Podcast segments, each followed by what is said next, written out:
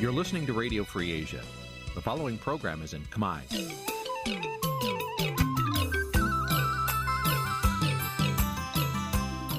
Nǐ chi càm bi tiệp xáy vệt chiu a zì sê នេះជាកម្មវិធីផ្សាយរបស់ Vithu Azisari ជាភាសាខ្មែរ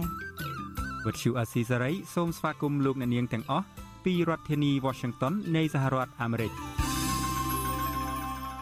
បាទពីរដ្ឋធានីវ៉ាស៊ីនតោនខ្ញុំបាទសេកបណ្ឌិតសូមជម្រាបសួរអស់លោកអ្នកនាងកញ្ញាទាំងអស់ជាទីមេត្រី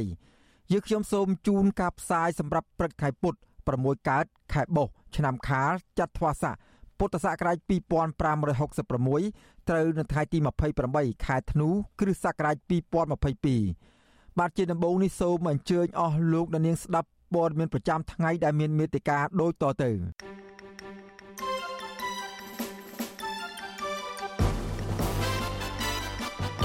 តើអ្នកប្រជាធិបតេយ្យគួររក្សាជំហរបែបណា ដើម្បីយកឈ្នះដៃគូនយោបាយប្រជាពិធដ្ឋទុកលំបាករបស់កូនសកម្មជនគណបកប្រឆាំងក្រោយពីម្ដាយស្លាប់ចោលនិងឪពុកកំពុងជាប់ឃុំសមាគមគ្រូបង្រៀនកម្ពុជាឯករាជ្យរក្សាជំហរជួបជុំគ្នាសម្ដែងមតិនៅទីលានប្រជាធិបតេយ្យបើទោះបីសាលារាជធានីភ្នំពេញមិនអនុញ្ញាត ពលរដ្ឋនិងមន្ត្រីសង្គមស៊ីវិលស្នើដល់រដ្ឋាភិបាលរឹតបន្តឹងច្បាប់លើជនជាតិចិននៅកម្ពុជា រួមនឹងព័ត៌មានសំខាន់សំខាន់មួយចំនួនទៀត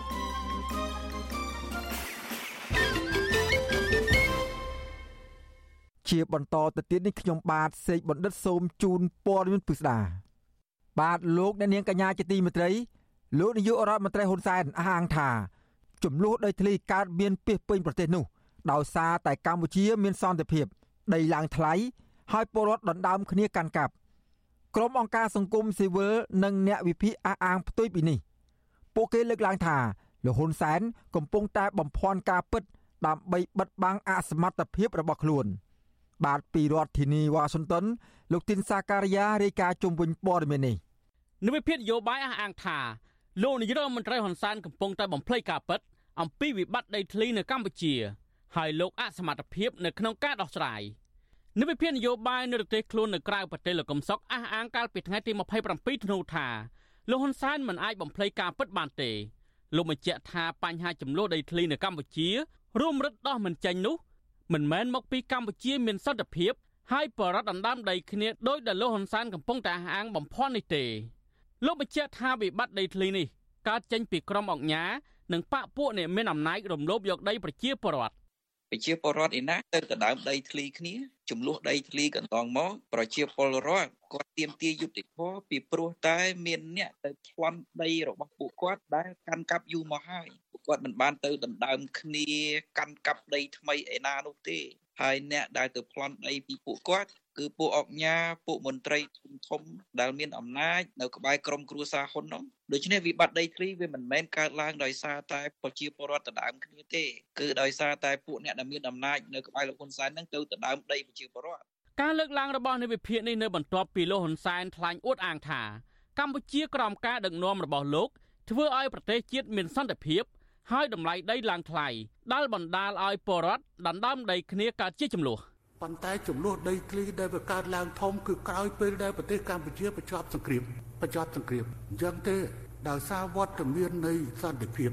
ជំនួសដោយសង្គ្រាមនេះ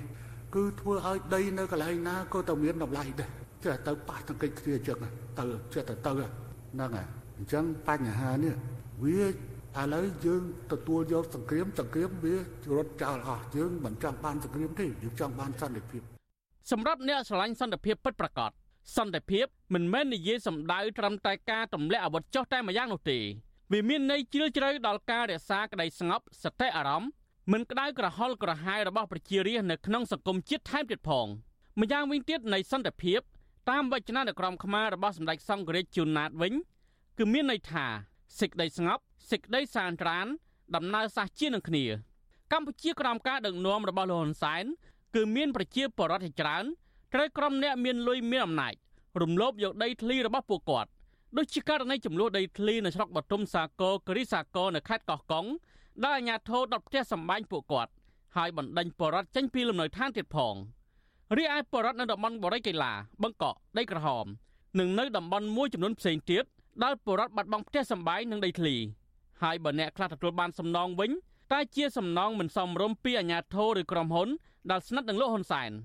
ដោយឡែកនៅស្របពេលការបោះឆ្នោតអាណត្តិទី7ខិតជិតមកដល់នេះលោកហ៊ុនសែនហាក់បីដូចជាយកបញ្ហាចំនួនដីធ្លីនេះជាអតិភិប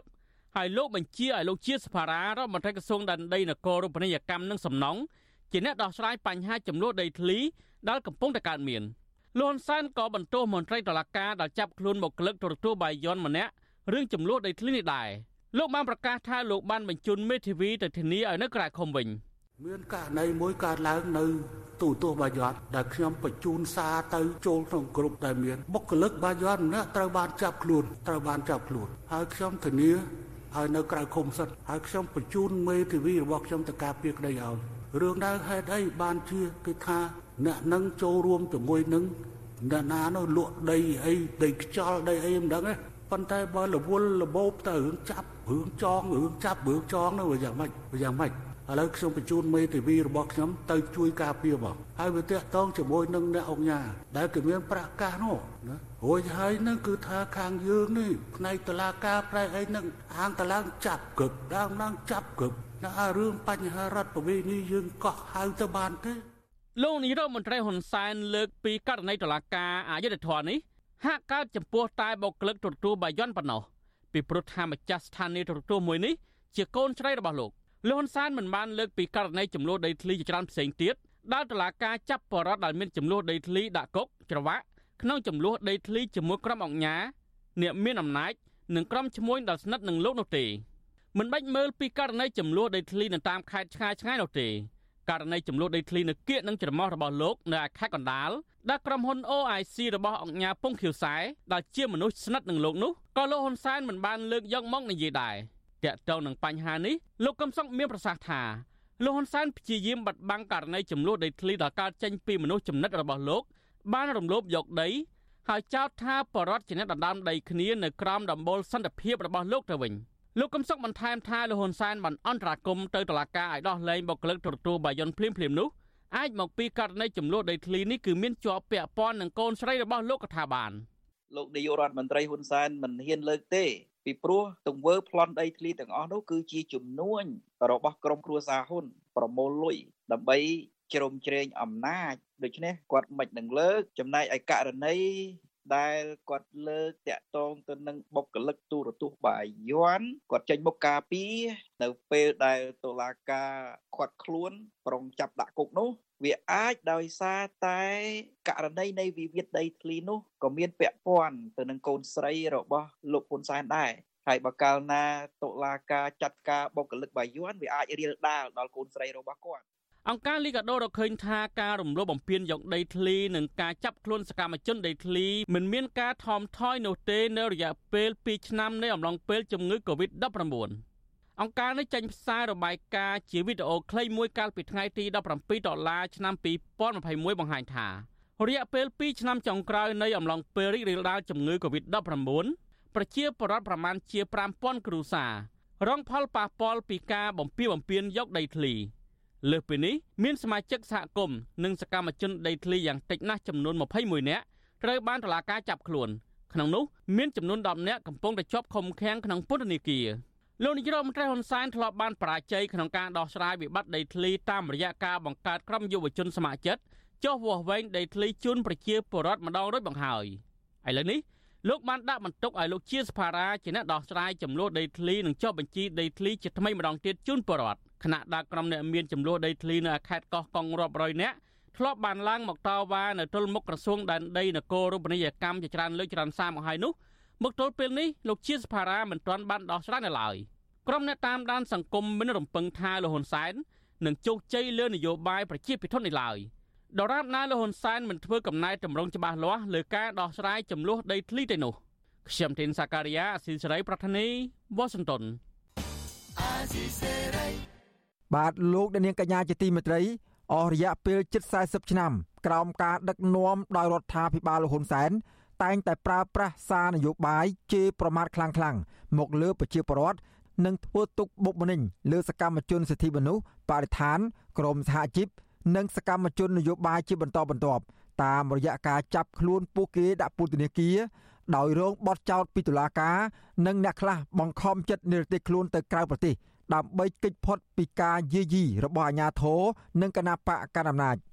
តើអ្នកប្រជាធិបតេយ្យ គួរតែមានយុទ្ធសាស្ត្រថ្មីបែបណាខ្លះដើម្បីយកជ័យជំនះលើដៃគូនយោបាយប្រជាពិធដ្ឋដើម្បីឈ្មោះទៅរកការបោះឆ្នោតមួយដោយសេរីត្រឹមត្រូវនិងយុត្តិធម៌នោះបាទលោកដានៀងនឹងបានស្ដាប់សេចក្តីរាយការណ៍ពិស្ដារអំពីរឿងនេះនៅពេលបន្តិចទៀត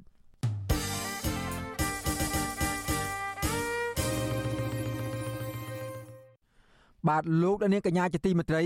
ក្រឡេកមកមើលទុកលំបាករបស់គ្រួសារសកម្មជនគណៈបកប្រឆាំងដែលមានគ្រួសារកំពុងជាប់ឃុំនៅវិញកូនប្រុសសកម្មជនគណៈបកប្រឆាំងម្នាក់នៅឯខេត្តព្រៃវែងដែលឪពុករបស់ខ្លួនកំពុងជាប់ឃុំនៅក្នុងពន្ធនាគារអស់រយៈពេលជិត3ឆ្នាំមកហើយនោះបានរងទុក្ខផ្ទួនផ្ទួននៅក្នុងគ្រួសារខណៈម្ដាយឈឺចិត្តធ្លាក់ខ្លួនឈឺស្លាប់ចោលប្តីនិងកូនជាទីស្រឡាញ់បើទោះបីជាស្ថិតនៅក្នុងគ្រាលំបាកបែបនេះក្តីពួកគេបានពុះពៀគ្រប់ឧបសគ្គ តស៊ូដោយប្រកបមុខរបរដើរលក់លៀសនិងសណ្ដែកដីស្ងោដើម្បីរកប្រាក់ផ្គត់ផ្គង់ជីវភាពគ្រួសារមន្ត្រីសង្គមស៊ីវិលយល់ថា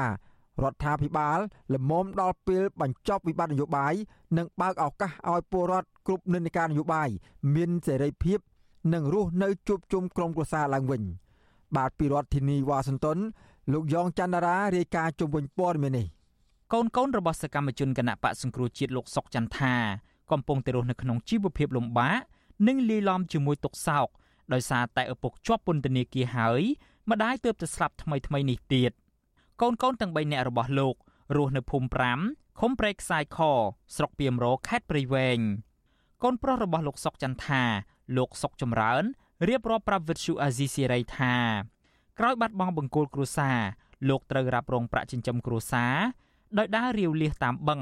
និងដើរលក់សណ្ដែកដីស្ងោពីភូមិមួយទៅភូមិមួយទៀតដើម្បីរកប្រាក់ដោះស្រាយជីវភាពអូនិយាយពីទុកសោកខ្ញុំគឺលំបាកខ្លាំងយើងធ្លាប់តែមានម្ដាយនៅជាមួយអញ្ចឹងហ៎បងដល់ពេលឥឡូវម្ដាយអត់មានម្ដាយនៅជាមួយពិបាកក៏ដោយកដែងហើយមើលការខុសត្រូវលើបងប្អូនទៀតលោកសុកចម្រើនឲ្យដឹងថារបរលក់សណ្ដែកដីស្ងោនិងលក់លៀសនេះលោកអាចរកប្រាក់ចំណូលបានមួយថ្ងៃចន្លោះពី30000រៀលទៅ40000រៀល ក៏ប៉ុន្តែចំណូលនេះពុំអាចដោះស្រាយជីវភាពបានគ្រប់គ្រាន់នោះទេ លោកបន្តថាក្រៅពីរ៉ាប់រងការហូបចុកប្រចាំថ្ងៃហើយលោកត្រូវប្រម៉ែប្រមូល និងសន្សំលុយទុកទិញម្ហូបអាហារនិងផ្ញើជូនឪពុកសម្រាប់ចំណាយនៅក្នុងពន្ធនាគារពី20ម៉ឺនរៀលទៅ30ម៉ឺនរៀលក្នុងមួយខែជួនកាលខ្ញុំជិះម៉ូតូដើរលក់ស្បែកដីហ្នឹងបានគ្រាន់ហូបខ្លះ ហើយហើយសំលុយខ្លះទុកយកទៅឲ្យប៉ានៅក្នុងគុកមួយខែមួយខែគាត់អឺនិយាយទៅគាត់អត់គ្រប់គ្រាន់ទេព្រោះឲ្យគាត់នៅទិញថ្នាំសម្កូវព្រោះឲ្យគាត់នៅក្នុងហ្នឹងឲ្យវ៉ាន់មួយគាត់ជាពីរលោកសុកចន្ទថាមានអាយុ58ឆ្នាំ ជាសមាជិកគណៈកម្មាធិការប្រតិបត្តិគណៈបកសង្គ្រោះជាតិខេត្តព្រៃវែងនិងជាអតីតសមាជិកក្រុមប្រឹក្សាខេត្តសមត្ថកិច្ចបានចាប់ខ្លួនលោកកាលពីខែមេសាឆ្នាំ2020ពីបទញុះញង់ឲ្យប្រព្រឹត្តបទឧក្រិដ្ឋជាអាត និងរួមគំនិតក្បត់ តុលាការក្រុងភ្នំពេញបានផ្ដន្ទាទោសលោកនិងសកម្មជនគណៈបកប្រឆាំងចំនួន13នាក់ទៀតដាក់ពន្ធនាគារនៅក្នុងម្នាក់ម្នាក់ចំនួន5ឆ្នាំក៏ប៉ុន្តែតុលាការសម្រេចឲ្យអនុវត្តទោសពន្ធនាគាររយៈពេល3ឆ្នាំ8ខែហើយទោសដែលនៅសល់ត្រូវបានព្យួរប្រពន្ធរបស់លោកសុកចន្ទថាគឺលោកស្រីសោមចន្ទធូដែលសកម្មនៅក្នុងការចេញតវ៉ាប្រឆាំងភាពអយុត្តិធម៌សង្គមបានស្លាប់កាលពីថ្ងៃទី20ខែធ្នូ ដោយសារលោកស្រីមានជំងឺទឹកនោមផ្អែមជំងឺលើសឈាម និងជំងឺផ្លូវចិត្តធ្ងន់ធ្ងរក្រោយពីប្តីជាប់ពន្ធនាគារលោកសុកចម្រើនរំលឹកថាដំបូងឡើយគ្រួសាររបស់លោករស់នៅជួបជុំគ្នាយ៉ាងរីករាយក៏ប៉ុន្តែអាជ្ញាធរបានចាប់ខ្លួន និងដាក់ទោសឪពុករបស់លោកទាំងអយុត្តិធម៌លោកថាប្រសិនបើតុលាការកាត់ក្តីតាមវិជ្ជាជីវៈត្រឹមត្រូវម្លេះសំម្ដាយរបស់លោកមិនធ្លាក់ខ្លួនឈឺរហូតដល់បាត់បង់ជីវិតនោះទេ លោកបន្តថាតុលាការកាត់ទោសឪពុករបស់លោកឲ្យជាប់ពន្ធនាគារដោយគ្មានកំហុសគឺជាការបំផ្លាញជីវិតគ្រួសាររបស់លោកយុវជនវ័យ28ឆ្នាំរូបនេះនិយាយទាំងក្តុកក្តួលថាគ្រួសាររបស់លោកត្រូវរស់នៅបែកបាក់គ្នាដោយឪពុករបស់លោកត្រូវព្រាត់ប្រពន្ធនិងកូនកូនទាំង3នាក់រងភាពអយុត្តិធម៌ពូ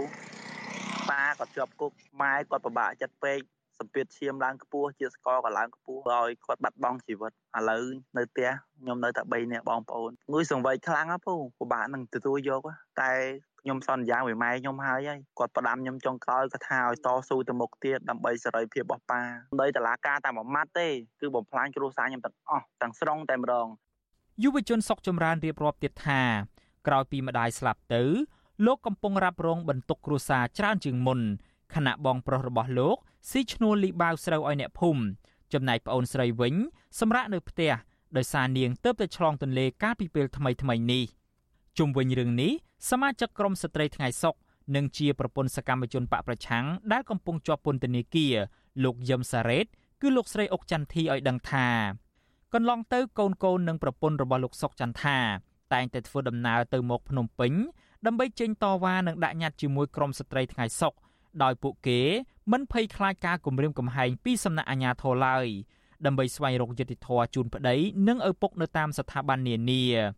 លោកស្រីបន្តថាការឃុំខ្លួនសកម្មជនគណៈបកប្រឆាំងទាំងនេះធ្វើឲ្យប៉ះពាល់ដល់ជីវភាព និងក្តីសុខគ្រួសារសកម្មជនទាំងនោះដោយសារតែអំពើអយុត្តិធម៌ ឪពុកជាប់គុំនៅមានម្ដាយជាបង្គោលម្ដាយដើរទូជាពុកបងម្ដាយផងតែដល់ពេលនេះបាត់បង់ពុកម្ដាយទៀតខ្ញុំគិតថាការថោកសង្រេងរបស់កូនកូនគាត់ឈឺចាប់ណាស់គាត់មិនអាចទទួលយកបានវិទ្យុអាស៊ីសេរីមិនអាចតាក់ទងแนะនាំពាក្យតុលាការក្រុងភ្នំពេញលោកអ៊ីរិន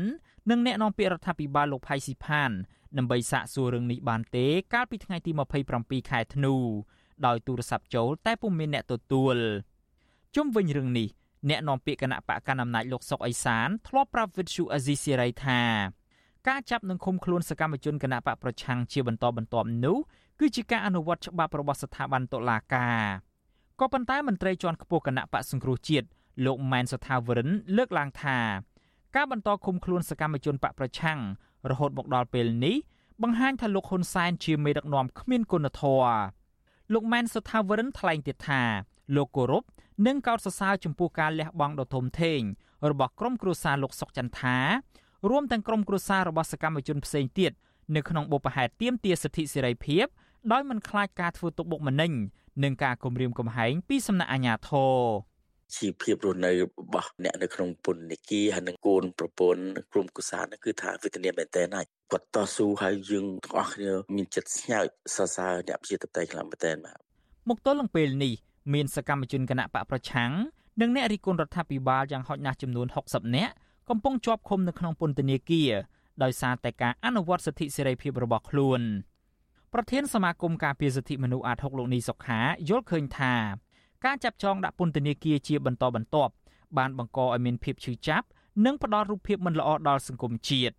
លោកយល់ថាទុកសោករបស់ក្រុមគ្រួសារលោកសុកចន្ទថានៅពេលនេះគឺជាសារមួយដ៏សំខាន់ ដើម្បីផ្ញើទៅរដ្ឋាភិបាលឲ្យពិចារណាឡើងវិញចំពោះរឿងអយុត្តិធម៌ដែលកើតឡើងលើសកម្មជននយោបាយកន្លងមក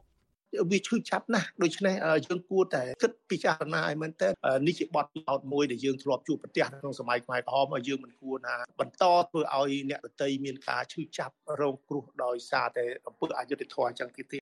អង្គការជាតិនិងអន្តរជាតិជាច្រើនរួមទាំងទីភ្នាក់ងារអង្គការសហប្រជាជាតិនិងក្រមប្រទេសប្រជាធិបតេយ្យធំធំ បានថ្កោលទោសការចាប់ខ្លួនសកម្មជនគណៈបកប្រឆាំងទាំងនេះថាជារឿងនយោបាយនិងគ្មានមូលដ្ឋានច្បាប់ពួកគេបន្តទាមទាររដ្ឋាភិបាលដោះលែងអ្នកជាប់ឃុំទាំងនោះដោយឥតលក្ខខណ្ឌកូនប្រុសរបស់លោកសុកចន្ទថាយុវជនសុកចម្រើន អំពាវនាវដល់សប្បុរសជន ជួយឧបត្ថម្ភថវិកាទៅតាមសន្តានចិត្តដល់គ្រួសាររបស់លោក ដែលកំពុងជួបបញ្ហាជីវភាពក្នុងគ្រាលំបាកនេះជាមួយគ្នានេះលោកអំពាវនាវយ៉ាងទទូចដល់រដ្ឋាភិបាល និងតុលាការឲ្យដោះលែងឪពុករបស់លោកនិងអ្នកជាប់ឃុំដោយសារតែមូលហេតុនយោបាយទាំងអស់ដើម្បីឲ្យពួកគាត់បានវិលត្រឡប់មករស់នៅជួបជុំក្រុមគ្រួសារឡើងវិញខ្ញុំយ៉ងច័ន្ទដារាវិទ្យុអាស៊ីសេរីរាយការណ៍ពីរដ្ឋធានី Washington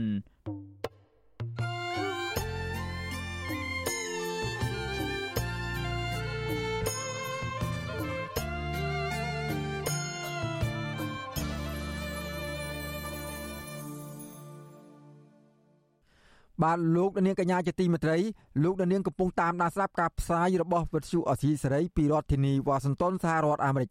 បាទឥឡូវនេះក៏លេខទៅមើលក្រុមកោតក្រនាការវល់វិញម្ដងបាទកោតក្រម្នាក់ទៀតនៃក្រុមហ៊ុនកាស៊ីណូ Naga World បានចូលទៅបំភ្លឺសាលាដំបងរាជធានីភ្នំពេញ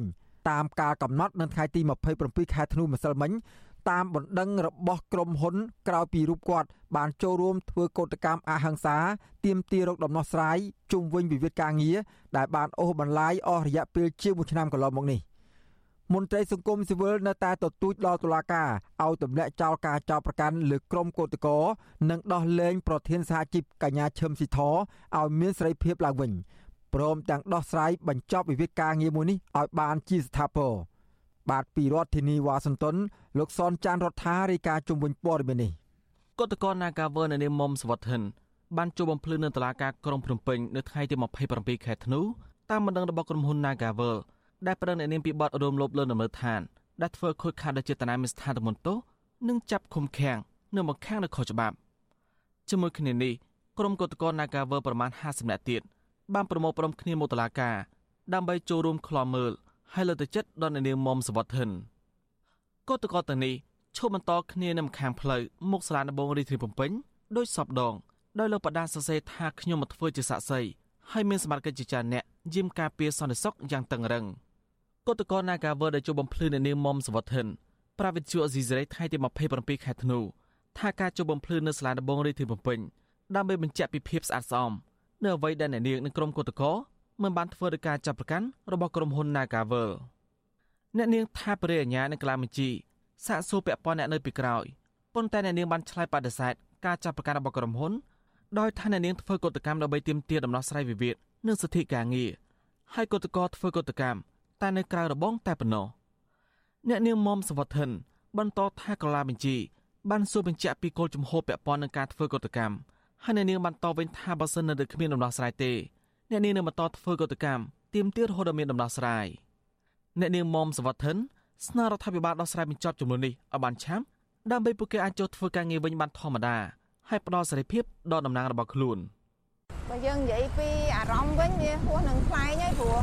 យើងអត់ទាន់បានដំណោះស្រាយហ្នឹងហើយតកែណាកាវើជ្រើសយកប្រព័ន្ធតឡាការដើម្បីមកបំផិតបំភ័យអ្នកតវ៉ាអញ្ចឹងយើងឃើញចេតនាច្បាស់ថាតកែក៏អត់មានចេតនាដើម្បីដោះស្រាយទេគាត់គាត់ប្រើប្រព័ន្ធតឡាការដើម្បីមកគៀបសង្កត់កម្មករគម្រាមកំហែងកម្មករខ្ញុំមើលឃើញអញ្ចឹងហើយសម្រាប់ខ្ញុំផ្ទាល់ក៏ខ្ញុំមានការភ័យខ្លាចដែរបើសិនជាតឡាការកាត់ក្តីដោយគតិយុត្តិធម៌អាហ្នឹងអត់អីទេខ្ញុំជឿជាក់100%ព្រោះខ្ញុំមកបានធ្វើតែបើសិនជាការកាត់ក្តីហ្នឹងដោយមិនយុត្តិធម៌វិញអញ្ចឹងពួកខ្ញុំប្រកាសជារងទុក្ខ ដំណឹងអัยការអមស្លានបងរាជធានីភ្នំពេញលោកឆៃហុងកាលពីថ្ងៃទី24ខែវិច្ឆិកាបានកោះហៅកតកោ Nagawal ជាស្ត្រីគឺនាមមុំសវត្ថិនឲ្យជួបបំភ្លឺថ្ងៃទី27ខែធ្នូតាមបណ្ដឹងរបស់ក្រុមហ៊ុន Nagawal ដែលប្តឹងអ្នកនាងពីបទរំលោភលើលំនៅឋានធ្វើខូចខាតដោយចេតនាមានស្ថានទមន្តោហើយចាប់ឃុំឃាំងនៅម្ខាងនខុសច្បាប់មកទល់ពេលនេះមានក្រុមកតកោ9នាក់ហើយដែលបានទទួលដីកាពីតុលាការតាមបណ្ដឹងរបស់ក្រុមហ៊ុន Nagawal ចំណែកមាននរណសហជីពបុគ្គលិកក្រុមហ៊ុន Nagawal កញ្ញាឈឹមស៊ីធត្រូវបានចាប់ខ្លួនដាក់ពន្ធនាគារកាលពីថ្ងៃទី26ខែវិច្ឆិកាដោយចោទប្រកាន់ថាកញ្ញាបានរំលោភបំរាមហាមឃាត់មិនឲ្យចាក់ចេញពីប្រទេសប៉ុន្តែកញ្ញានិងមេធាវីមិនដែលបានដឹងពីបំរាមរបស់តុលាការនេះទេហើយចាត់ទុកថាការអនុវត្តច្បាប់របស់តុលាការជារឿងមិនត្រឹមត្រូវជុំវិញរឿងនេះនាយកទទួលបន្ទុកកិច្ចការទូតនៅអង្គការលីកាដូលោកអំសំអានមានប្រសាសន៍ថារយៈពេលជាង1ឆ្នាំហើយក្រសួងពាក់ព័ន្ធនឹងក្រុមហ៊ុន នៅតែគ្មានដំណោះស្រាយបញ្ចប់វិវាទការងារនេះបានឡើយទេប៉ុន្តែបែរជាប្រើប្រព័ន្ធតុលាការបន្ថែមដាក់គំនាបគម្រិតកំហែងបំផិតបំភ័យលើក្រុមកតក Nagavel មិនមែនជាយុទ្ធសាស្ត្របញ្ចប់វិវាទការងារប្រសើរនោះទេលោកថាការអូសបន្លាយនឹងការគៀបសង្កត់ធ្វើកតកកាន់តែឈឺចាប់ហើយតស៊ូទាមទារដំណោះស្រាយការងារបន្ថែមទៀត អញ្ចឹងយើងឃើញថាចុងក្រោយនេះការបដិងផ្ដាល់នេះវាជាការគម្រាមកំហែងដាក់គំនាបការបំផិតបំភ័យថែមទៀតទៅដល់ក្រុមកោតកោហ្នឹងហើយជាពិសេសក្នុងការចាប់ខ្លួនកញ្ញាឈឹមស៊ីធនេះក៏ជាការបំបាក់ស្មារតីទៅលើសហជីពនៃការវល់ក៏ដូចជាក្រុមកោតកោនឹងទៅទៀតប៉ុន្តែទៅជាណាយើងឃើញថាក្រុមកោតកោនៅតែធ្វើកោតកម្មដដែលពីព្រោះពួកគាត់ត្រូវការគឺដោះស្រាយវិវាទការងារមិនមែនជាការឆ្លើយតបដោយសារការចាប់ខ្លួនឬការបដិងផ្ដាល់នោះទេគិតត្រឹមថ្ងៃទី27ខែធ្នូក្រុមកោតកោ Nagavel បានធ្វើកតកម្មរយៈពេលជាមួយឆ្នាំហើយដើម្បីទាមទារក្រុមហ៊ុនគោរពសិទ្ធិការងារហើយទទួលយកសហជីពចូលធ្វើការងារវិញហើយទម្លាក់ចោលបទចោទលើតំណែងពួកគេការធ្វើកតកម្មកន្លងមកក្រុមកតករងការគៀបសង្កត់ការគម្រាមកំហែងគ្រប់រូបភាពការប្រាំពើងសារពីអាញាធររហូតដល់ស្ត្រីមានផ្ទៃពោះម្នាក់រលូតកូនការចាប់ខ្លួន ការដឹកក្រុមកតកទៅទម្លាក់ចោលនៅជីក្រុងភ្នំពេញ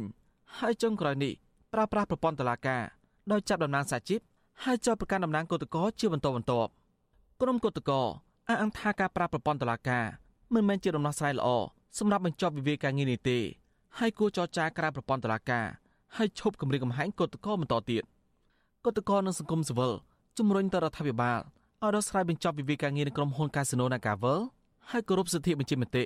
ការតវ៉ាដោយសន្តិវិធីព្រមទាំងដោះលែងតំណាងសហជីពហើយលើកលែងការចាប់ប្រកាន់ទាំងឡាយ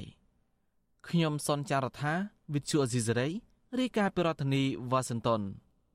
បានលោកនាងកញ្ញាជាទីមេត្រីសមាគមគ្រូបង្រៀនកម្ពុជាឯករាជ្យរក្សាជំហរជួបជុំទៀមទីឲ្យដោះលែងក្រុមគ្រូបង្រៀននិងអ្នកជាប់ឃុំមនសិការផ្សេងទៀតនៅទីលានប្រជាធិបតេយ្យដដែលនៅចុងខែធ្នូនេះ បើទោះបីជាសាលារាជធានីភ្នំពេញស្នើឲ្យមានការលើកពេលនៃការជួបជុំគ្នានេះក្តី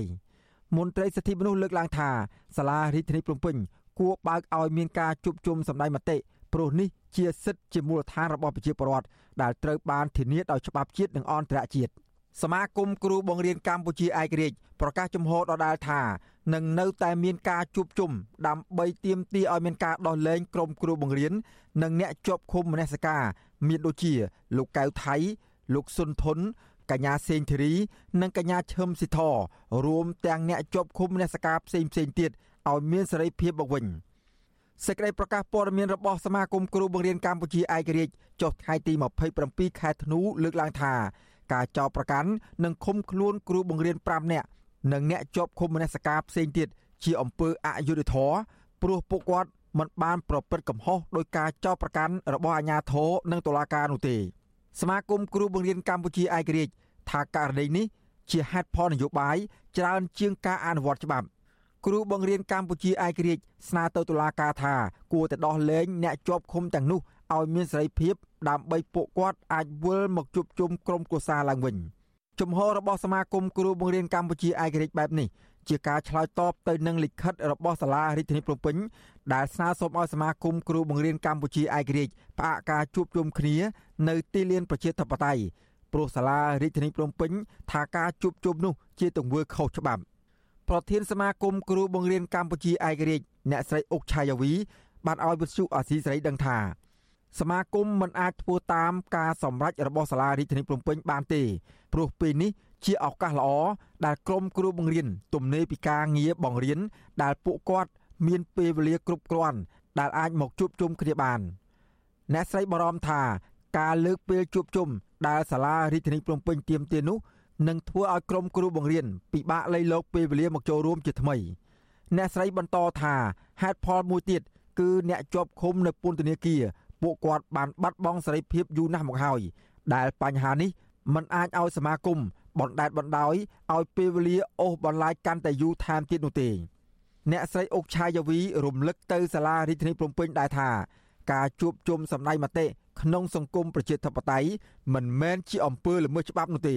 ប៉ុន្តែជាសកម្មភាពដែលត្រូវបានការពារដោយច្បាប់ ជួយរយុទ្ធធម៌ជូនគាត់ ជាពិសេសក្រុមគ្រួសារគាត់បាត់ភាពកក់ក្ដៅធ្វើឲ្យពួកគាត់ដូចថាទាំងកូនទាំងម្ដាយទាំងអីហ្នឹងគឺគាត់ហាក់បីដូចជាកាន់តែធ្ងន់ទៅធ្ងន់ទៅនៅពេលដែលគាត់កំពុងតែមានជួបប្រទះនឹងបញ្ហាខ្វះខាតយើងឃើញហើយសេដ្ឋកិច្ចស្រុកខ្មែរកាន់តែធ្លាក់ចុះកាន់តែខ្លាំងឡើងអញ្ចឹងការប្រឈមរបស់ពួកគាត់គឺកាន់តែធ្ងន់ធ្ងរទៅធ្ងន់ធ្ងរទៅអញ្ចឹងយើងឃើញឱកាសនេះជាឱកាសមួយដែលយើងត្រូវតែជួយទៀមទាឲ្យគាត់ជុំវិញជំហររបស់សមាគមគ្រូបង្រៀនកម្ពុជាឯករាជ្យបែបនេះអភិបាលរងរាជធានីភ្នំពេញលោកមានច័ន្ទយ៉ាដាសុំមិនធ្វើអត្ថាធិប្បាយទេ ដោយលោកស្នើឲ្យបង្វែរសំណួរនេះទៅអ្នកនាំពាក្យសាលារាជធានីភ្នំពេញវិទ្យុអសីស្រីនៅពុំទាន់អាចសុំការបំភ្លឺពីអ្នកនាំពាក្យសាលារាជធានីភ្នំពេញលោកមេតមាសភក្តីបានទេ នៅថ្ងៃទី27ខែធ្នូ ទោះយ៉ាងណាលិខិតរបស់សាលារាជធានីភ្នំពេញចុះកាលពីថ្ងៃទី26ខែធ្នូបានចោទប្រកាន់ថាគម្រោងជួបជុំសម្ដែងមតិនិងទៀមទាឲ្យដោះលែងគ្រូបង្រៀនរួមទាំងអ្នកជាប់ឃុំមនសិការផ្សេងៗទៀតនោះគឺផ្ទុយទៅនឹងក្រមព្រហ្មទណ្ឌមាត្រា522និងមាត្រា523សាលារាជធានីភ្នំពេញស្នើសុំឲ្យសមាគមគ្រូបង្រៀនកម្ពុជាឯករាជ្យផ្អាកការជួបជុំនេះសិន ដើម្បីធ្វើការកែសម្រួលកម្មវត្ថុនៃការស្នើសុំជួបជុំសម្ដែងមតិជាថ្មីឲ្យស្របតាមច្បាប់តកតងរឿងនេះអ្នកនាំពាក្យសមាគមការពារសិទ្ធិមនុស្សអាត60លោកសឹងសានករណា សង្កេតឃើញថាសាលារាជធានីភ្នំពេញហាក់មាននិន្នាការរឹតបន្តឹងលើការជួបជុំដែលស្នើឡើងដោយសមាគមឬអង្គការសង្គមស៊ីវិលក្រៅរដ្ឋាភិបាលលោកយល់ថាប្រសិនបើសាលារាជធានីភ្នំពេញមានការគោរពសិទ្ធិមនុស្ស គួរតែអនុញ្ញាតឲ្យសមាគមគ្រូបង្រៀនអាចជួបជុំសម្ដែងមតិបើសិនជាបញ្ហាហ្នឹងវានៅតែដដែលការរដ្ឋបិទការកំណត់ការរៀបរៀងមិនឲ្យមានការប្រពៃពិធីបានអាហ្នឹងក៏កាន់តែបង្ហាញឲ្យឃើញកាន់តែច្បាស់ថែមទៀតថា កម្ពុជាមិនមានចេតនានិងគោលបំណងណាមួយបើកនៅលំហសេរីភាពក្នុងការជួបជុំឬក៏សេរីភាពក្នុងការបញ្ចេញមតិអីហ្នឹងទេអញ្ចឹងបញ្ហាដែលរងការរិះគន់ដែលធ្វើឲ្យប៉ះពាល់មកដល់រដ្ឋាភិបាលកម្ពុជាគឺនៅតែបន្តនៅលើឆាកអន្តរជាតិអញ្ចឹងទៅសមាគមគ្រូបង្រៀនកម្ពុជាឯករាជ្យស្នើទៅបណ្ដាស្ថានទូតអង្គការសង្គមស៊ីវិលសហជីពអ្នកសារព័ត៌មានជាតិនិងអន្តរជាតិព្រមទាំងប្រជាពលរដ្ឋ ឲ្យជួយតាមដាន និងចូលរួមការសម្ដែងមតិរបស់ក្រមគ្រូបង្រៀនដែលធ្វើឡើងនៅទីលានប្រជាធិបតេយ្យនាថ្ងៃទី30ខែធ្នូខាងមុខឲ្យបានច្រើនកកតាមគម្រោងការជួបជុំនេះនឹងចាប់ផ្ដើមពីម៉ោង8ព្រឹកដល់ម៉ោង12ថ្ងៃត្រង់ដែលមានអ្នកចូលរួមជាង100នាក់ដែលអ្នកទាំងនោះភាគច្រើនជាក្រុមគ្រូបង្រៀន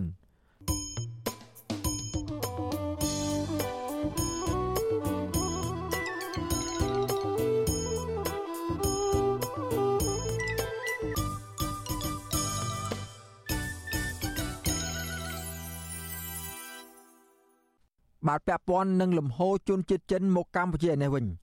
ប្រជាពលរដ្ឋនិងមន្ត្រីសង្គមស៊ីវិលព្រួយបារម្ភអំពីឥទ្ធិពលនៃជនជាតិចិនមួយចំនួនដែលបង្កអសន្តិសុខសង្គមនិងចូលមកដណ្ដើមទីផ្សារការងាររបស់ពលរដ្ឋខ្មែរពួកគាត់ស្នើសុំដល់រដ្ឋាភិបាលឲ្យរឹតបន្តឹងច្បាប់ចំពោះជនបរទេសណា ដែលចូលមកធ្វើចំនួនដែលមិនគោរពច្បាប់កម្ពុជា ការស្នើនេះធ្វើឡើងក្រោយពីក្រសួងទេសចរចេញរបាយការណ៍ថា រយៈពេល11ខែសម្រាប់ឆ្នាំ2022កម្ពុជាបានទទួលភ្ញៀវទេសចរចិនជាង90000នាក់បាទពីរដ្ឋធានីវ៉ាស៊ីនតោនលោកនៅវណ្ណរិនរាយការណ៍ជុំវិញព័ត៌មាននេះប្រជាពលរដ្ឋនិងមន្ត្រីសង្គមស៊ីវិលលើកឡើងស្របគ្នាថាលំហូរជនជាតិចិន និងអាជីវកម្មជនជាតិចិនមួយចំនួននៅលើទឹកដីខ្មែរក៏ជាផ្នែកមួយដែលជំរុញឲ្យសេដ្ឋកិច្ចជាតិក៏ប៉ុន្តែរដ្ឋាភិបាលមិនគួរធ្វេសប្រហែសឬអនុវត្តច្បាប់ធូររលុងនោះទេ គណៈជនជាតិចិនមួយចំនួនទៀតចូលមកក្នុងប្រទេសកម្ពុជា បង្កអសន្តិសុខនិងមិនញញើតច្បាប់កម្ពុជានោះឡើយការលើកឡើងនេះធ្វើឡើងក្រោយពេលក្រសួងទេសចរជំរុញដល់អាជីវកម្មទេសចរដែលទទួលភ្ញៀវទេសចរចិន ដាក់ពាក្យស្នើសុំការទទួលស្គាល់គុណភាពសេវាកម្មទទួលទេសចរនៅកម្ពុជា លោកស្រីផៅញើងតំណាងសហគមន៍មានចំនួនដីធ្លីមួយកន្លែងនៅក្នុងខេត្តកោះកុងប្រាប់វិទ្យុអាស៊ីសេរីកាលពីថ្ងៃទី27ខែធ្នូថាបើទោះជាលំហូរជនជាតិចិនមកកម្ពុជាជាកត្តាមួយដែលជួយជំរុញសេដ្ឋកិច្ចជាតិក៏ដោយក៏រដ្ឋាភិបាលមិនគួរបើកចំហជើងមេឃទទួលជនជាតិចិនមួយចំនួនដែលមកប្រព្រឹត្តអំពើល្មើសនោះទេ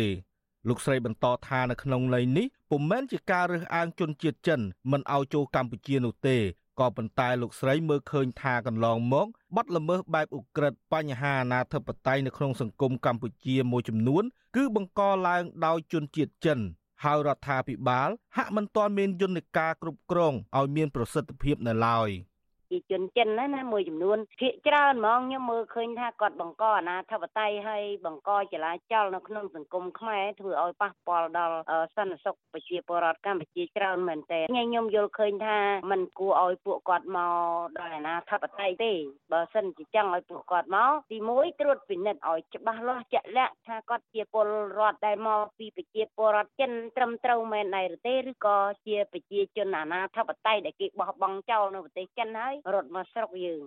ជុំវិញរឿងនេះដែរប្រធានសមាគមនិស្សិតបញ្ញវន្តខ្មែរលោកកើតសរាយយល់ថាលំហូរជនជាតិចិនមួយចំនួនចូលមកកម្ពុជា គឺជាកត្តាជួយជំរុញសេដ្ឋកិច្ចឲ្យរីកចម្រើនផងដែរ ក៏ប៉ុន្តែលោកស្នើដល់រដ្ឋាភិបាលឲ្យរឹតបន្តឹងច្បាប់និងត្រួតពិនិត្យលើភ្ញៀវទេសចរមួយចំនួនដែលចូលមកកម្ពុជា ថាពួកគេមកកម្ពុជា ក្នុងក្របខ័ណ្ឌបែបណាព្រោះលោកសង្កេតឃើញថាភ្ញៀវទេសចរចិនមួយចំនួនកន្លងទៅពួកគេមកស្នាក់នៅខុសច្បាប់និងធ្វើចំនួនខុសច្បាប់នៅក្នុងប្រទេសកម្ពុជា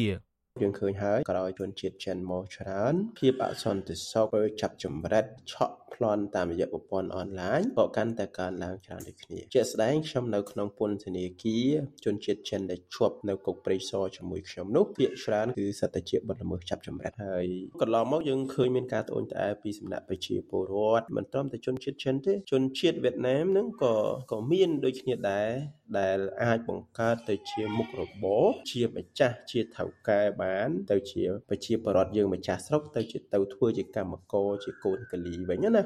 របាយការណ៍ក្រសួងទេសចរចេញកាលពីថ្ងៃទី26ខែធ្នូឲ្យដឹងថារយៈពេល11ខែឆ្នាំ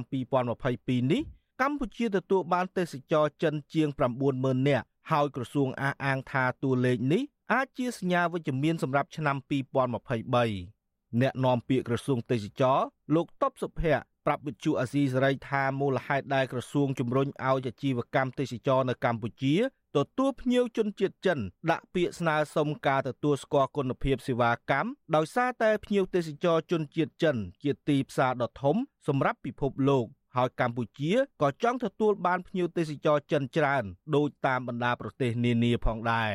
លើសពីនេះទៀតលោកថាភ្ញៀវទេសចរចិនណា ដែលចូលកម្ពុជាមិនគោរពច្បាប់អាជ្ញាធរកម្ពុជានឹងចាត់វិធានការតាមផ្លូវច្បាប់ទេសចរគាត់មកខុសច្បាប់អានឹងគឺយើងត្រូវតែធ្វើទៅតាមច្បាប់របស់ប្រទេសយើងកាលណាគាត់ចូលមកខុសច្បាប់អានឹងគឺមានវិធានការផ្លូវច្បាប់បាទទៅតាមច្បាប់តើវិញឬក៏គាត់ធ្វើអ្វីមួយដែលខុសច្បាប់របស់រដ្ឋឬខុសពីគោលការណ៍ណែនាំរបស់ក្រសួងនៅក្នុងក្របខ័ណ្ឌទេសចរយើងមានច្បាប់ ទេសចរយើងមានយន្តការគ្រប់គ្រងរបស់ទេសចរហ្នឹងអញ្ចឹងបើសិនជាគាត់ធ្វើខុសអាហ្នឹងគឺយើងត្រូវតែនៃគាត់គាត់មកខុសច្បាប់យើងចាប់គាត់អីអញ្ចឹងទៅទៅតាមយន្តការដែលបានកំណត់នៅក្នុងច្បាប់ កន្លងទៅថ្មីថ្មីនេះរដ្ឋមន្ត្រីក្រសួងមហាផ្ទៃលោកសខេងថ្លែងថាជនបរទេសជាង90%ដែលបានចូលមកកម្ពុជានៅក្នុងក្របខ័ណ្ឌជាភ្ញៀវឬកាន់លិខិតឆ្លងដែនជាភ្ញៀវទេសចរប៉ុន្តែពួកគេបែរជាលួចស្នាក់នៅនិងធ្វើការងារខុសច្បាប់នៅកម្ពុជាលើសពីនេះទៀតលោកថាករណីនេះភ្ញៀវទេសចរអាចនឹងប្រឈមរងគ្រោះដោយអំពើជួញដូរមនុស្សនៃទម្រង់ផ្សេងផ្សេងតាមរយៈថៅកែឬក្រុមហ៊ុនទុច្ចរិតមួយចំនួន។ របាយការណ៍អគ្គនាយកដ្ឋានអន្តរប្រវេសន៍ឲ្យដឹងថារយៈពេល4ខែចុងឆ្នាំ2022នេះអាជ្ញាធរបានបណ្ដេញជនបរទេសជាង1000នាក់ក្នុងនោះមានជនជាតិចិនជិត500នាក់ឲ្យត្រឡប់ទៅប្រទេសកំណើតវិញក្រោយពីពួកគេបានលួចមកស្នាក់នៅនិងឆ្លងដែនចូលមកធ្វើការនៅក្នុងប្រទេសកម្ពុជាដោយខុសច្បាប់ជុំវិញរឿងនេះប្រធានមជ្ឈមណ្ឌលពលរដ្ឋដើម្បីការអភិវឌ្ឍនិងសន្តិភាព លោកយ៉ងកំឯងសង្កេតឃើញថាជនជាតិចិនមួយចំនួន មកកម្ពុជាក្នុងក្របខ័ណ្ឌដើរកំសាន្តតែប៉ុណ្ណោះប៉ុន្តែលោកថាភ្ញៀវទេសចរចិនខ្លះពួកគេចូលមកកម្ពុជាក្នុងគោលបំណងសម្លឹងមើលតែការប្រកបអាជីវកម្មខុសច្បាប់ នៅលើទឹកដីខ្មែរតែប៉ុណ្ណោះ យើងអាចសហការជាមួយអាជ្ញាធរចិននៅក្នុងត្រួតពិនិត្យកិច្ចការមួយចំនួនដើម្បីដឹងអំពីព័ត៌មានអ្នកដែលធ្លាប់ប្រព្រឹត្តបទល្មើសឬក៏មានបញ្ហានៅប្រទេសចិនហ្នឹងបានដើម្បីយើងឲ្យមានព័ត៌មានខ្លះដើម្បីក្នុងការចែករំលែកបានអញ្ចឹងនេះជារឿងមួយសំខាន់តែយើងអាចឲ្យមានកិច្ចសហការអ្នកនំភ្ញៀវទេសចរទេសនៈអូតែលជាដើមឲ្យគាត់រាយការណ៍អំពីអរិយាប័ត្ររបស់ជនជាតិចិនបើសិនណាអរិយាប័ត្រណាមួយដែលមិនសមរម្យអាចឲ្យមាន hotline call ទៅប៉ូលីសទៅអីចឹងទៅបាទដើម្បីដោះស្រាយឬក៏ដើម្បីបង្ការបញ្ហាដែលកើតឡើងធំដុំមន្ត្រីសង្គមស៊ីវិលរូបនេះក៏បន្ថែមផងដែរថាជនជាតិចិនមួយចំនួនអាចប្រព្រឹត្តបទឧក្រិដ្ឋដូចជាករណីជួញដូរមនុស្សនិងករណីបើករោងចក្រផលិតគ្រឿងញៀននៅកម្ពុជា ដោយសារតែមានអ្នកមានអំណាច ឬមន្ត្រីធំមួយចំនួននៅពីក្រោយខ្នង។ លោកក៏ស្នើដល់រដ្ឋាភិបាលគួររឹតបន្តឹងច្បាប់ និងបង្កើនការត្រួតពិនិត្យលើជនបរទេសណាដែលចូលមកកម្ពុជា ក្នុងគោលបំណងបង្កអសន្តិសុខសង្គមដើម្បីផ្ដល់ទំនុកចិត្តនិងការការពារសុវត្ថិភាពដល់ប្រជាពលរដ្ឋខ្ញុំបាទនៅវណ្ណរិន with Chu Azizi Saray ពីរដ្ឋធានី Washington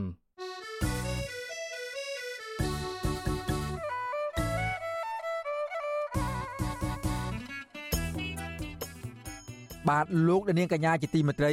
ក្រៅពីការតាមដានស្ដាប់ការផ្សាយរបស់វិទ្យុអស៊ីសេរីតាមបណ្ដាញសង្គម Facebook YouTube Telegram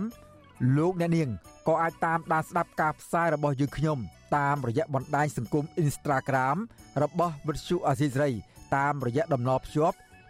www.instagram.com/rfa ខ្មែរ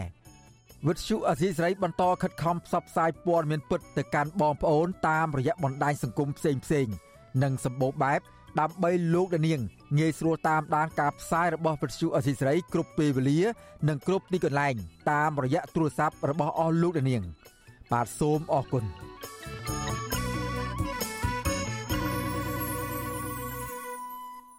បាទលោកអ្នកនាងកញ្ញាជាទីមេត្រីពាក់ព័ន្ធនឹងចំនួនដីធ្លីនៅខេត្តកណ្ដាលឯនោះវិញ ប្រជាពលរដ្ឋជាង200នាក់តំណាងឲ្យពលរដ្ឋជិត500គ្រួសារដែលរងផលប៉ះពាល់ពីគម្រោងសាងសង់វាលយន្តហោះថ្មី បន្តលើកគ្នាតវ៉ាជាថ្មីទៀតនៅសាលាខេត្តកណ្ដាលកាលពីថ្ងៃទី27ខែធ្នូដើម្បីទាមទារឲ្យអាជ្ញាធរបំភ្លឺលើករណីដាក់អសានវិទ្យឲ្យប្រជាពលរដ្ឋរស់រើផ្ទះសម្បែងពួកគាត់មិនឲ្យសាងសង់លំនៅឋាននៅលើដីរបស់ខ្លួន បាទពីរដ្ឋធានីវ៉ាស៊ីនតោនលោកទីនសាការីយ៉ារាយការណ៍ជុំវិញព័ត៌មាននេះ ប្រជាប្រដ្ឋជិត500គ្រួសារទាំងនោះកំពុងអន្ទះអន្តែងក្នុងចិត្តនៅគ្រាដាល់តំណាងក្រុមហ៊ុន OCIC របស់លោកអង្គញាពងខៀវសែនិងអាញាធរតែងតែហាមឃាត់ពួកគាត់មិនឲ្យសង់ផ្ទះលើដីគេឪពុកម្ដាយរបស់ខ្លួននិងគំរាមឲ្យបរិរស់រើផ្ទះសម្បែងចេញពីគម្រោងអភិវឌ្ឍវាលយន្តហោះថ្មីក្រមប្រជាប្រដ្ឋទាំងនោះរស់នៅតំបន់94ស្ថិតនៅក្នុងភូមិអំពៅព្រៃឃុំកណ្ដោកស្រុកកណ្ដាលស្ទឹង និងអ្នកខ្លះទៀត រស់នៅក្នុងភូមិឯកកសង្កាត់កំពង់សំណាញ់ក្រុងតាខ្មៅតំណាងបរដ្ឋលោកស្រីម៉ាត់ច័ន្ទសុផានីប្រាប់វិទ្យុអាស៊ីសេរីនៅថ្ងៃទី27ធ្នូថារដ្ឋបាលខេត្តកណ្ដាលបានទទួលញត្តិពីលោកស្រីរួចហើយនៅព្រឹកថ្ងៃដដែលនេះហើយអាជ្ញាធរសន្យាថានឹងនាំក្តីកង្វល់របស់បរដ្ឋទាំងនោះទៅដោះស្រាយជាបន្ទាន់លោកស្រីបានថែមថាបំណងរួមរបស់បរដ្ឋទាមទារឲ្យអភិបាលខេត្តកណ្ដាលលោកកុងសុភ័ណ្ឌផ្ដល់ព័ត៌មានលម្អិត រឿងតំណាងក្រុមហ៊ុននិងអាជ្ញាធរតែងតែមកស្រង់លេខផ្ទះនិងស្រង់ទិន្នន័យបរដ្ឋរួចដាក់អសន្នវត្តឲ្យបរដ្ឋរើផ្ទះដែលធ្វើឲ្យអ្នកភូមិដេកភ័យខ្លាចក្រែងអាជ្ញាធរបណ្ដេញពួកគាត់ដោយបង្ខំ។ ជាពលរដ្ឋរាល់ថ្ងៃនេះបងគឺគាត់កង្វល់ខ្លាចគេឲ្យរុះរើទីលំនៅដូរទីលំនៅអញ្ចឹងបងគឺគាត់អត់ចង់រើទៅណាទេគាត់ចង់រស់នៅនៅកន្លែងដែលគាត់ធ្លាប់រស់នៅទាំងខ្ញុំទាំងគេទាំងអស់គ្នាបងមិនមានអ្នកណាចង់រុះរើចេញទៅណាទេព្រោះពីថាគេមានតែដំណឹងថាគេឲ្យរុះរើរុះរើអញ្ចឹងបងគឺប្រជាជនរាល់ថ្ងៃគឺនៅភ័យខ្លាចកន្លែងហ្នឹងកាលពីព្រឹកថ្ងៃទី27ធ្នូបរដ្ឋជាង200នាក់តំណាងឲ្យបរដ្ឋជិត500គ្រួសារ បានយកញត្តិដែលមានស្នាមមេដៃបរដ្ឋ473គ្រួសារដាក់ជូនរដ្ឋបាលខេត្តកណ្ដាលក្នុងបំណងស្នើឲ្យអាជ្ញាធរខេត្តនេះពន្យល់ឲ្យបានច្បាស់លាស់ជំវិញនឹងគម្រោងអភិវឌ្ឍប្រលានយន្តហោះដែលបង្ខំឲ្យបរដ្ឋរើផ្ទះសម្បែងក្នុងពេលតវ៉ាអភិបាលរងខេត្ត2នាក់បានចេញមកជួបតំណាងបរដ្ឋហើយទទួលយកញត្តិដោយសន្យាថា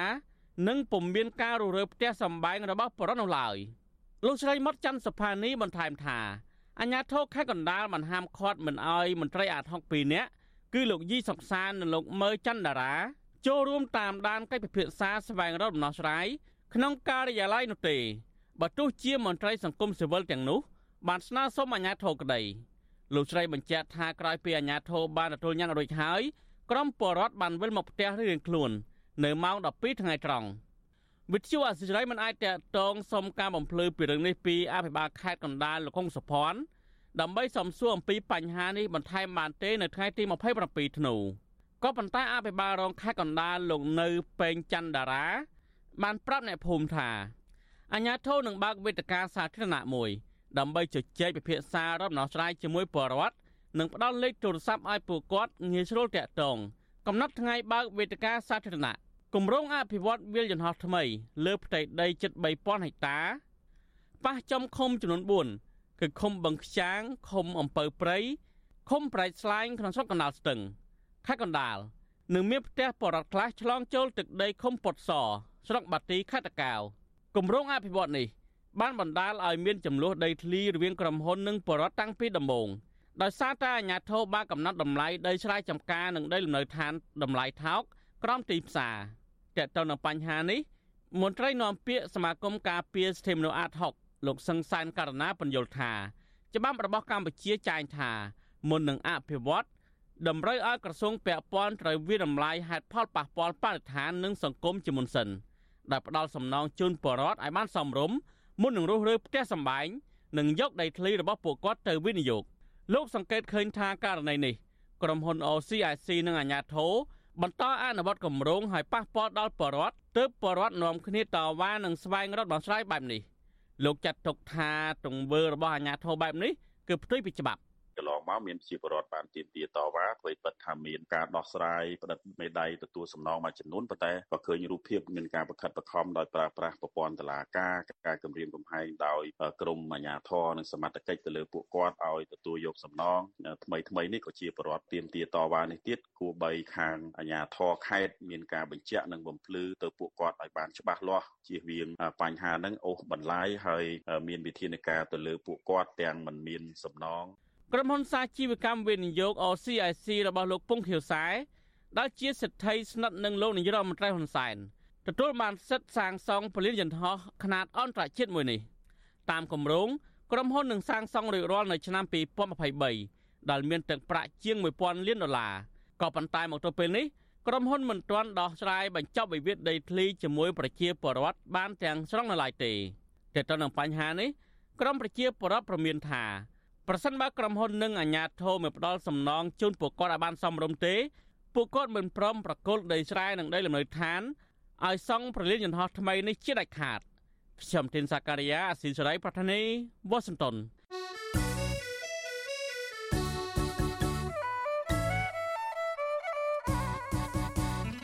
បាទលោកដានៀងកំពុងតាមដានស្ដាប់ការផ្សាយរបស់វិទ្យុអសីសេរីពីរដ្ឋធានីវ៉ាស៊ីនតោនសហរដ្ឋអាមេរិក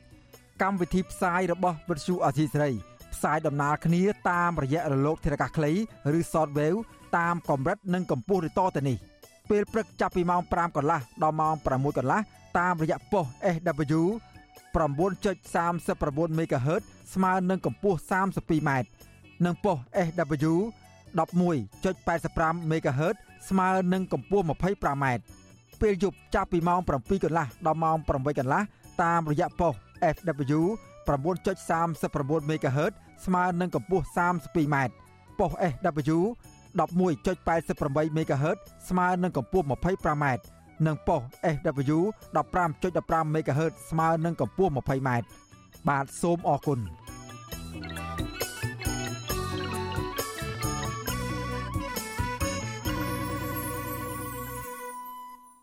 បាទលោកនាងកញ្ញាជាទីមេត្រីពាក់ព័ន្ធនឹងស្ថានភាពនយោបាយនៅមុនការបោះឆ្នោតជ្រើសតាំងតំណាងរាស្ត្រនៅឆ្នាំ2023ខាងមុខ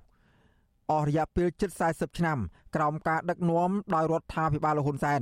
តែងតែប្រើប្រាស់សារនយោបាយជេរប្រមាថខ្លាំងៗមកលើប្រជាពលរដ្ឋនិងធ្វើទុកបុកម្នេញលើសកម្មជនសិទ្ធិមនុស្សបរិស្ថានក្រមសហជីពនិងសកម្មជននយោបាយជាបន្តបន្ទាប់តាមរយៈការចាប់ខ្លួនពួកគេដាក់ពន្ធនាគារដែលរងបទចោទប្រកាន់ពីតុលាការ និងអ្នកខ្លះត្រូវបង្ខំចិត្តនិរទេសខ្លួនទៅក្រៅប្រទេសដើម្បីគេចផុតពីការយាយីរបស់អាជ្ញាធរនៃគណៈបកកណ្ដាលអំណាចតើអ្នកប្រជាធិបតេយ្យគួរតែមានយុទ្ធសាស្ត្រថ្មីបែបណាខ្លះដើម្បីយកជ័យជំនះលើដៃគូនយោបាយប្រជាពិធដើម្បីឈ្មោះទៅរកការបោះឆ្នោតដោយសេរីនិងយុត្តិធម៌នោះបាទពីរដ្ឋធានីវ៉ាស៊ីនតោនលោកមានរិទ្ធរាយការណ៍អំពីរឿងនេះអ្វីត្បិតតែបកសង្គ្រោះជាតិ ត្រូវបានតឡាការកម្ពុជារំលាយចោលកាលពីចុងឆ្នាំ2017ក៏ពិតមែនក៏សារនយោបាយរបស់មេបកប្រឆាំងនិងក្រុមអ្នកគាំទ្រគណៈបកនេះនៅតែតាមលងបន្លាចលោកនាយរដ្ឋមន្ត្រីហ៊ុនសែនមិនអាចឲ្យលោករស់នៅដោយសុខស្រួលជាមួយនឹងពាក្យសន្តិភាពរបស់លោកបាននោះទេ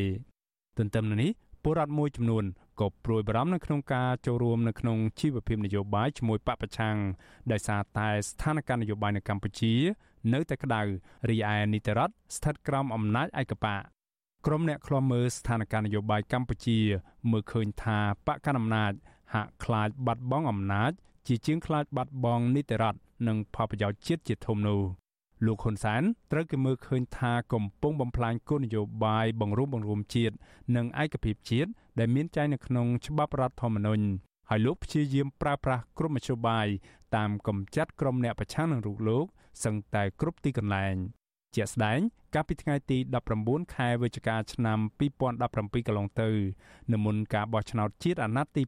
6លោកថ្លែងថាលោកស្ដាយដែលមិនបានសម្លាប់ប្រជាពលរដ្ឋដែលគាំទ្រគណៈបកសង្គ្រោះជាតិកាលពីឆ្នាំ2013និង2014ក្រោយពួកគេចេញតវ៉ានៅរាជធានីភ្នំពេញបើខ្ញុំដឹងរឿងហ្នឹងតាំង ពីនោះប្រហែលជាដើមចុងឆ្នាំ2013ដល់ដើមឆ្នាំ2014គឺពួកនេះងាប់អស់គេកំណត់យកថ្ងៃទី29ខែធ្នូ2013ជាថ្ងៃប្រាច់ប្រត់រំលំយើងបើខ្ញុំឃើញពីពេលនោះណាអ្នកទាំងនេះងាប់តាំងពីនោះពេលនេះជាពេលបនខ្មោចមួយនោះទៀតអ្នកខ្លំមើលបញ្ហាសង្គមមើលឃើញថាការគម្រាមកំហែងនិងចាប់ខ្លួនសកម្មជននយោបាយទាំងនោះឃុំខ្លួនក្នុងពន្ធនាគារ ដែលពួកគេភ័យច្រានត្រូវបានតឡាការចោតប្រកាន់ពីបទរួមគំនិតក្បត់ និងបទញុះញង់ធ្វើឲ្យកម្ពុជាខាត់បងប្រយោជន៍ជាតិខណៈដែលកម្ពុជាជាប្រទេសក្រីក្រ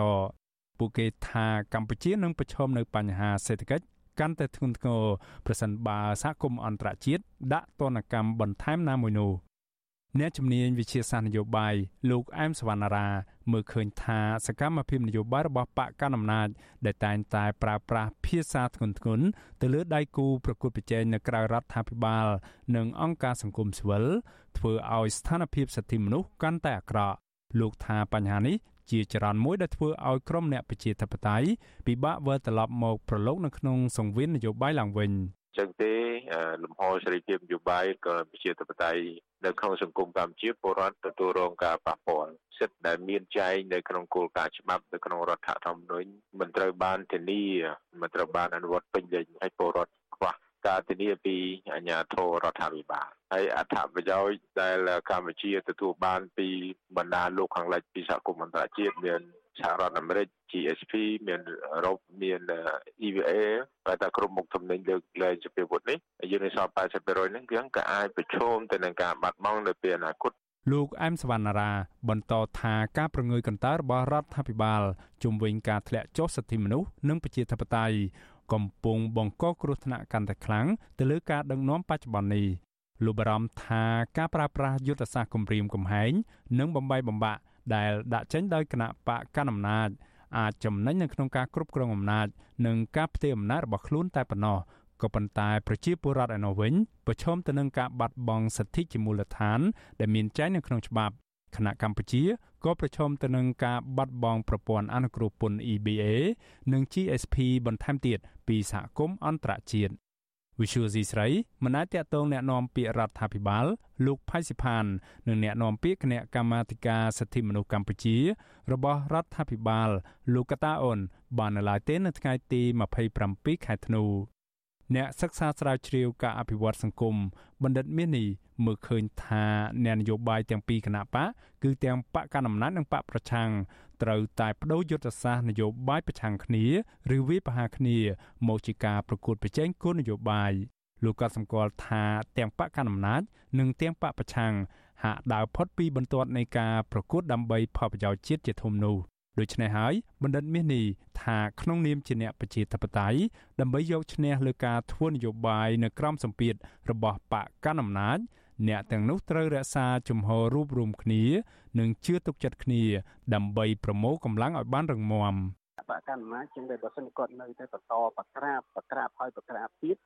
បានន័យថាស្មើនឹងយកក្របឆ្នាំងហ្នឹងទៅក្របទឹកដែលកំពុងពុកបាទអញ្ចឹងអាការផ្លាស់ប្ដូរទាំងឡាយវានឹងអាចរងចាំទៅនៅមាត់ទ្វារទេបើសិនបើការបក្រាបនឹងកាន់តែច្រើនណាអញ្ចឹងវាជាការមើលឃើញរបស់ខ្ញុំគឺទាំងសងខាងទទួលផលអវិជ្ជមានដូចគ្នាអញ្ចឹងដើម្បីជួយឲ្យប្រទេសនេះមានភាពធូរស្រាលខ្ញុំគិតថាត្រូវតែ ធ្វើការបដូរនៅរបៀបធ្វើនយោបាយចេញពីការប្រឆាំងមកប្រកួតវិញបានន័យថាឲ្យគូភាគីនយោបាយគណៈបកនយោបាយនីមួយមួយរវល់នឹងរឿងការរមជ្ឈបាយប្រកួតគ្នាជាជាងការប្រឆាំងដែលឡែកអ្នកសិក្សាស្រាវជ្រាវខាងភូមិសាស្ត្រនយោបាយលោកវ៉ាន់ប៊ុនណាវិញលោកបង្ហាញថាទោះបីជាស្ថានភាពនយោបាយនៅកម្ពុជា ហាក់តូចចង្អៀតក៏ពិតមែនក៏បកនៅក្រៅរដ្ឋាភិបាល ត្រូវតែមានភាពឆ្លាតវៃជាងនេះដើម្បីឈានទៅប្រកួតប្រជែងឲ្យមានប្រសិទ្ធភាពលោកថារឿងដែលអ្នកប្រជាធិបតេយ្យត្រូវធ្វើគឺទី1ត្រូវបង្កើតវេទិកាសន្ទនាឲ្យបានច្រើនរវាងអ្នកនយោបាយនៅក្រៅរដ្ឋាភិបាល និងអ្នកនយោបាយនានា ទី2គឺចោះជួបប្រជាពលរដ្ឋតាមរយៈការបង្កើតវេទិកាពលរដ្ឋដោះស្រាយបញ្ហាជាក់ស្ដែង ដែលលោកមើលឃើញថានេះគឺជាយុទ្ធសាស្ត្រស្អំចិត្តពលរដ្ឋឲ្យមានភាពកក់ក្ដៅ ដោយសារយើងឃើញថាតកតូននឹងយុទ្ធសាស្ត្រដែលប្រជាវិធដ្ឋឬការគម្រាមកំហែងដល់ប្រជាពលរដ្ឋនឹងវាមែនតើទៅវាកាត់មែនមានយូរហើយជាពិសេសនៅពេលនៅពេលដែលមុនរដូវកាលបោះឆ្នោតកើតមានគឺវាតែតែមានបញ្ហាអស់ហ្នឹងហើយអញ្ចឹងជាយុទ្ធសាស្ត្រគឺគណៈបកក្រៅរដ្ឋបាលទីជាយាមឲ្យចោះចិត្តដិតជាមួយនឹងអ្នកគ្រប់គ្រងរបស់ខ្លួនហើយព្យាយាមចូលរួមដោះស្រាយបញ្ហាបើសិនជាមានការធ្វើទុកបុកម្នេញឬការប្តឹងនឹងមានន័យថាគណៈបកត្រូវតែទៅដោះស្រាយឬក៏ជួបព័ន្ធតបតលមានការគ្រប់គ្រងតាមផ្នែកថវិកានិងស្មារតីផងដែរហើយហ្នឹងវាជាការ support ផ្នែកស្តិអារម្មណ៍ក៏ដូចជា support អំពីការការគ្រប់គ្រងរបស់គណៈបកទៅដល់អ្នកគ្រប់គ្រងផងដែរលើពីនេះលោកអែមសវណ្ណារាផ្ដល់ដំណោះស្រាយថារបបនយោបាយដឹកនាំដោយរដ្ឋាភិបាលឯកបៈនៅពេលនេះការធ្លាក់ចុះសិទ្ធិសេរីភាពនៃការបញ្ចេញមតិរបស់ពលរដ្ឋឬសិទ្ធិធ្វើនយោបាយគឺជារឿងធម្មតាដូច្នេះលោកថាជាទួនាទីសំខាន់របស់បកក្រៅរដ្ឋាភិបាល និងក្រុមអ្នកប្រជាធិបតេយ្យដែលត្រូវរៀបចំយុទ្ធសាស្ត្រនៃការប្រកួតប្រជែងឲ្យមានភាពចាស់ទុំ សម្រាប់គណៈបកក្រៅរដ្ឋាភិបាលឬគណៈបកប្រឆាំងគណៈបកវិជាតតៃអាចជួយយន្តការរួមគ្នាទីមទានៅសិទ្ធិសេរីភាពឬក៏លំហសិទ្ធិនយោបាយឡើងវិញជាសម្ព័ន្ធក្នុងការទីមទារួមគ្នាទី1ទី2អាចជំរុញឲ្យសហគមន៍អន្តរជាតិជួយអន្តរាគមន៍ជាពិសេសប្រទេសហត្ថលេខីនៃកិច្ចព្រមព្រៀងនៅប៉ារីសអាហ្នឹងគឺជាកិច្ចការមួយសំខាន់ដែលត្រូវយកចិត្តទុកដាក់ចាប់តាំងពីការរំលាយគណៈបកសង្គ្រោះជាតិកាលពីថ្ងៃទី16ខែវិច្ឆិកាឆ្នាំ2017 ក្រោមអំណាចរបស់តុលាការឯកបករហូតមកទល់ពេលបច្ចុប្បន្ននេះគ្មានឡើយការសន្ទនានយោបាយណាមួយកើតឡើងដើម្បីផ្សះផ្សាជាតិជាទ្រង់មួយនោះទេផ្ទុយទៅវិញការនេះធ្វើឲ្យនយោបាយនៅកម្ពុជា បន្សល់នឹងការបែកបាក់ជាតិផ្ទៃក្នុងអ្នកនយោបាយបាត់បង់សកម្មភាពនៅក្នុងការលើកឡើង អំពីអធិបតេយ្យបញ្ហាពុករលួយ ការជួញដូរមនុស្សខុសច្បាប់ និងលំហូរគ្រឿងញៀនកាន់តែកើនឡើងជាហូរហែ ក្រុមអ្នកខ្លំមើលបញ្ហាសង្គមនិងនយោបាយកម្ពុជា ថាដើម្បីឈានទៅរកការបោះឆ្នោតប្រកបដោយភាពសេរី ត្រឹមត្រូវនឹងយុត្តិធម៌ផ្ដើមពីពលអ្នកប្រជាធិបតេយ្យនិងបពប្រឆាំងត្រូវតែចេញនៅសកម្មភាពទៀមទាធ្វើកំណែតម្រង់ប្រព័ន្ធបោះឆ្នោតឡើងវិញនិងដាក់សម្ពាធបកកណ្ដាលអំណាចឲ្យបើកលំហសិទ្ធិសេរីភាពឲ្យបានទូលំទូលាយខ្ញុំបាទមេរិត Visual C ស្រីរាយការណ៍ពីរដ្ឋធានី Washington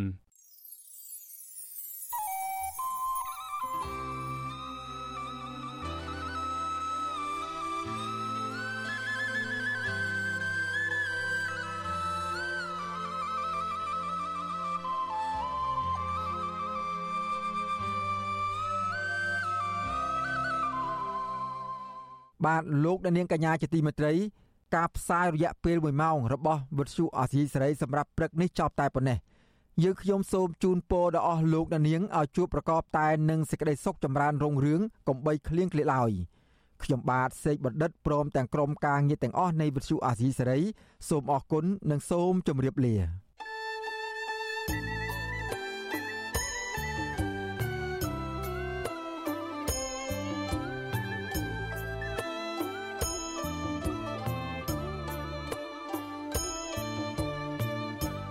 វិទ្យុអេស៊ីសេរីផ្សាយតាមរលកធារកាសខ្លី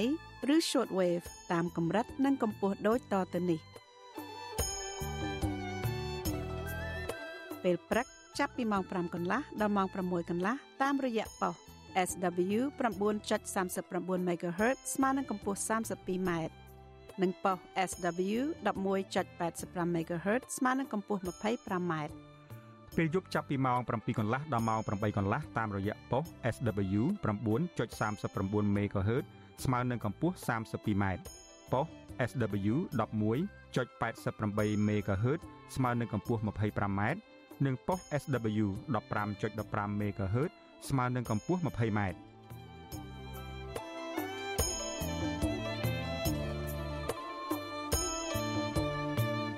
លោកអ្នកនាងក៏អាចស្ដាប់ការផ្សាយផ្ទាល់តាមប្រព័ន្ធអ៊ីនធឺណិតដោយចូលទៅកាន់គេហទំព័រ www.rfa.org/ ខ្មែរ